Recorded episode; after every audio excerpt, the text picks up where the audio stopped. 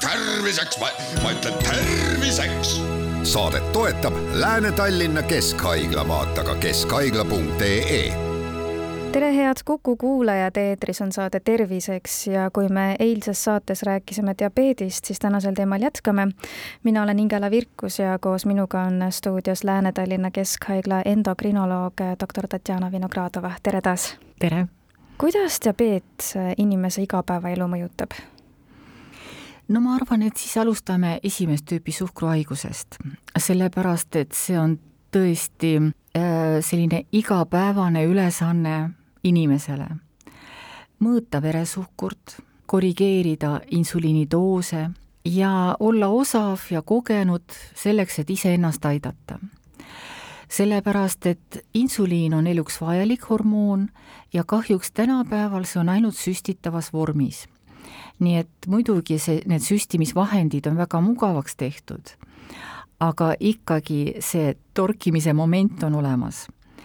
see on asendusravi nii et patsiendid teevad äh, ühte basaalinsuliini või kaks korda basaalinsuliini, see on pikatoimeline insuliin või selline fooninsuliin.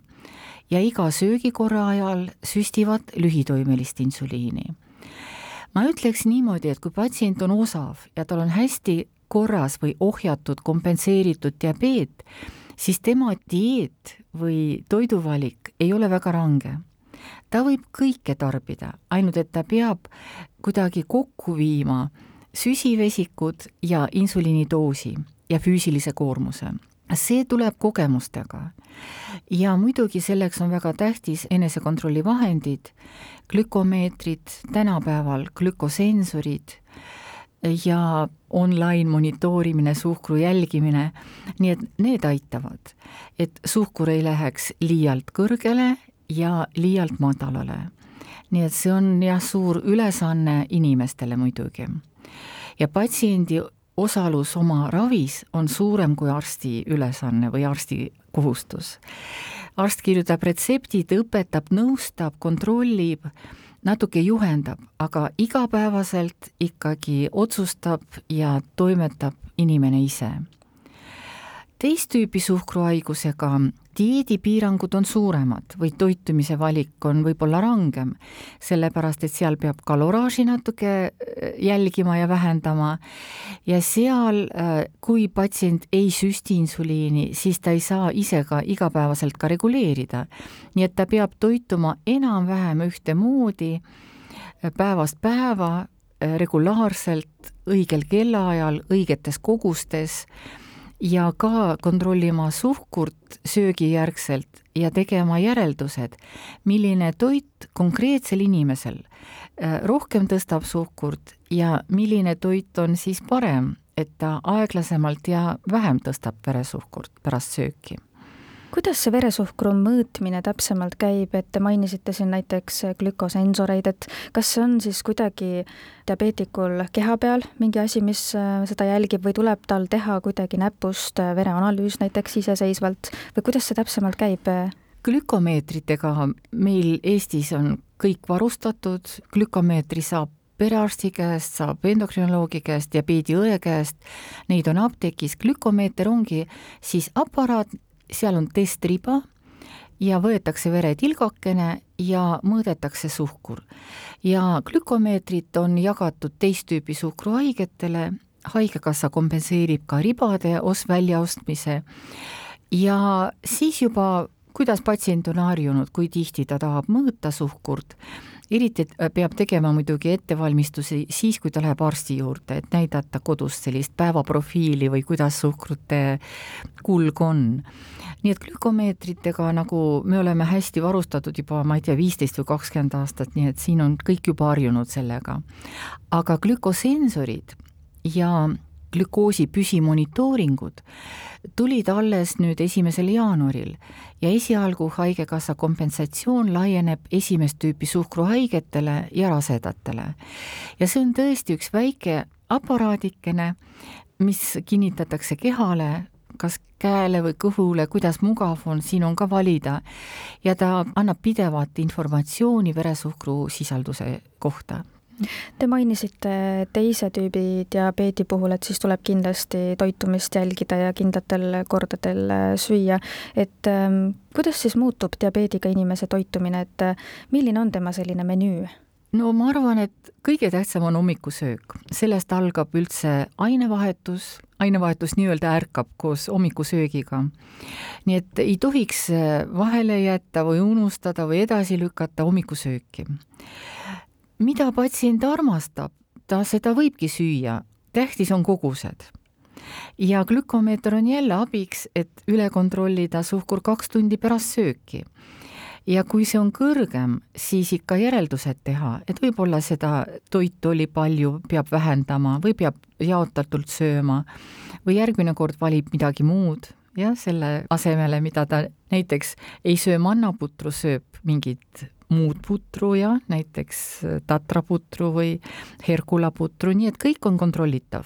teiseks, äh, selleks, et söögiportsjonid oleks äh, mõõdukad, mitte suured söögikogused, et siis peabki tihedalt sööma, sest kui inimene eh, kannatab ja sööb üks või kaks korda päevas, muidugi tema söögikogused või toidukogused on suured.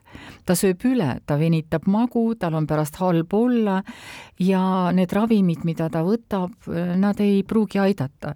nii et toit peaks ikka olema jaotatud päeva peale, oleks hea, kui oleks kolm põhisööki ja kaks või kolm väikest vahesööki või oodet.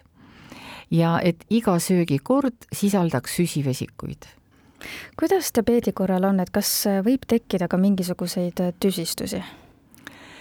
no muidugi seoses diabeediga peab ja rääkima ka tüsistustest ja võib-olla tasubki tüsistuste probleemi arutada varakult mitte selleks, et seda karta või hirmutada, aga selleks, et olla teadlik, et mis eesmärgil kõik see, mida me üritame ja pingutame ja proovime korda saada, et mille nimel see kõik on.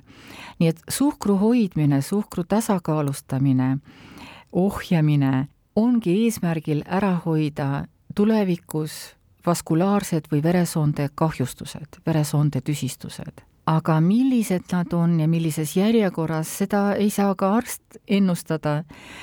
retinopaatia on silmade kahjustus, silmade veresoonde kahjustus. polüneuropaatia on jalgade, pisinärvide ja veresoonde kahjustus ja nefropaatia on siis neerude veresoonde kahjustus. ja muidugi siis kannatab ka selle organi funktsioon, näiteks neerufunktsioon kuidas äh, diabeedi diagnoosini tavaliselt üldse jõutakse, et kas ongi juba tekkinud äkki mingi selline tüsistus, millega minnakse ja siis avastatakse, et seal taga on hoopis diabeet või äh, märgatakse ja tuntakse mingeid sümptomeid, et eelmises saates me rääkisime näiteks ühe sümptomina suukuivus ja kuidas diabeedini päriselt jõutakse kui diagnoosini?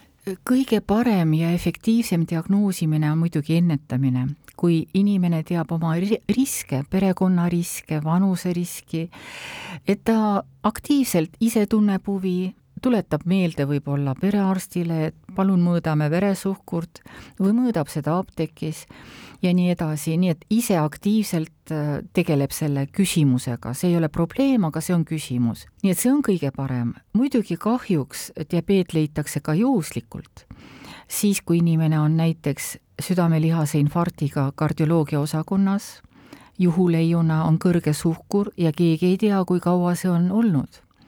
Või näiteks juhuleiuna ta on veresoondekirurgias ja jällegi probleemiks on kõrge veresuhkur. nii et eh, see situatsioon on muidugi kehvem, kui suhkruhaigus avastatakse juba tänu tüsistustele ja isegi kui patsient pöördub sümptomitega, see on ka hilinenud diagnostika.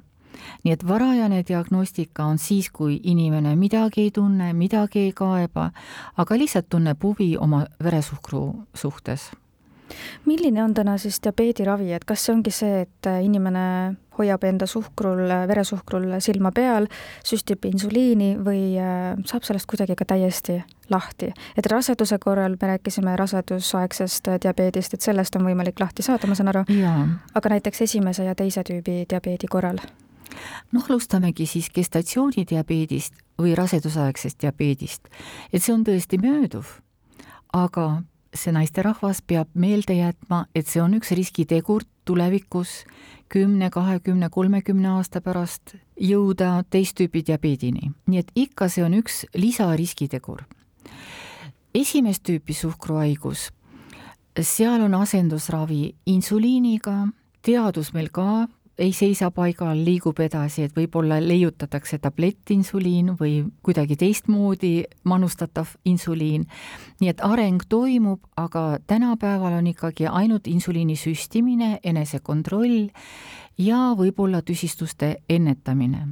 aga teist tüüpi suhkruhaiguse ravivalik on väga-väga suur, ravimeid tuleb juurde iga aasta, uued ravimid, mõned ravimid on mis parandavad insuliinitundlikkust, äh, siis vanast ajast patsiendid mäletavad, et olid sellised ravimid nagu klibenklamiid, kliklasiid, klipisiid, need ravimid stimuleerivad kõhunääret insuliini tootma, stimuleerivad betarakku. Äh, nad on äh, ka praegu vähe kasutusel, sellepärast et seal esineb hüpoglükeemia või madala suhkru oht nii et see kõige parem ravim ei ole eriti töötavatele inimestele, aktiivsetele inimestele. nüüd kaasaegsemad ravimid on äh, niinimetatud TPP4 inhibiitorid.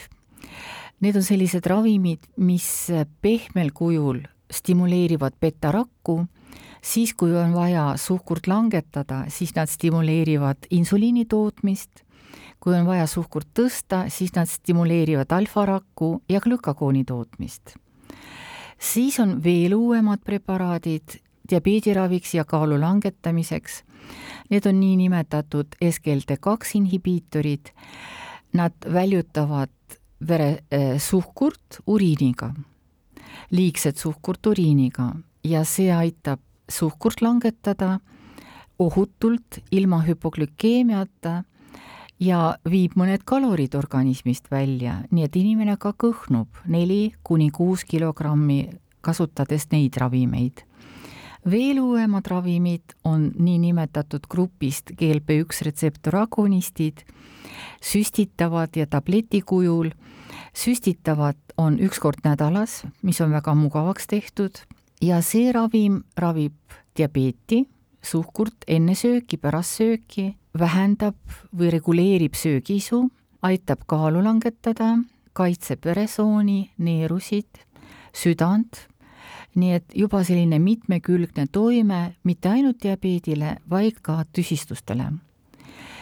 ja alati teist tüüpi suhkruhaige võib saada ka insuliini aitäh teile saatesse tulemast ja nõu andmast, Lääne-Tallinna Keskhaigla endokrinoloog doktor Tatjana Vinogradova ning palju jõudu ja jaksu teile! suur tänu teile!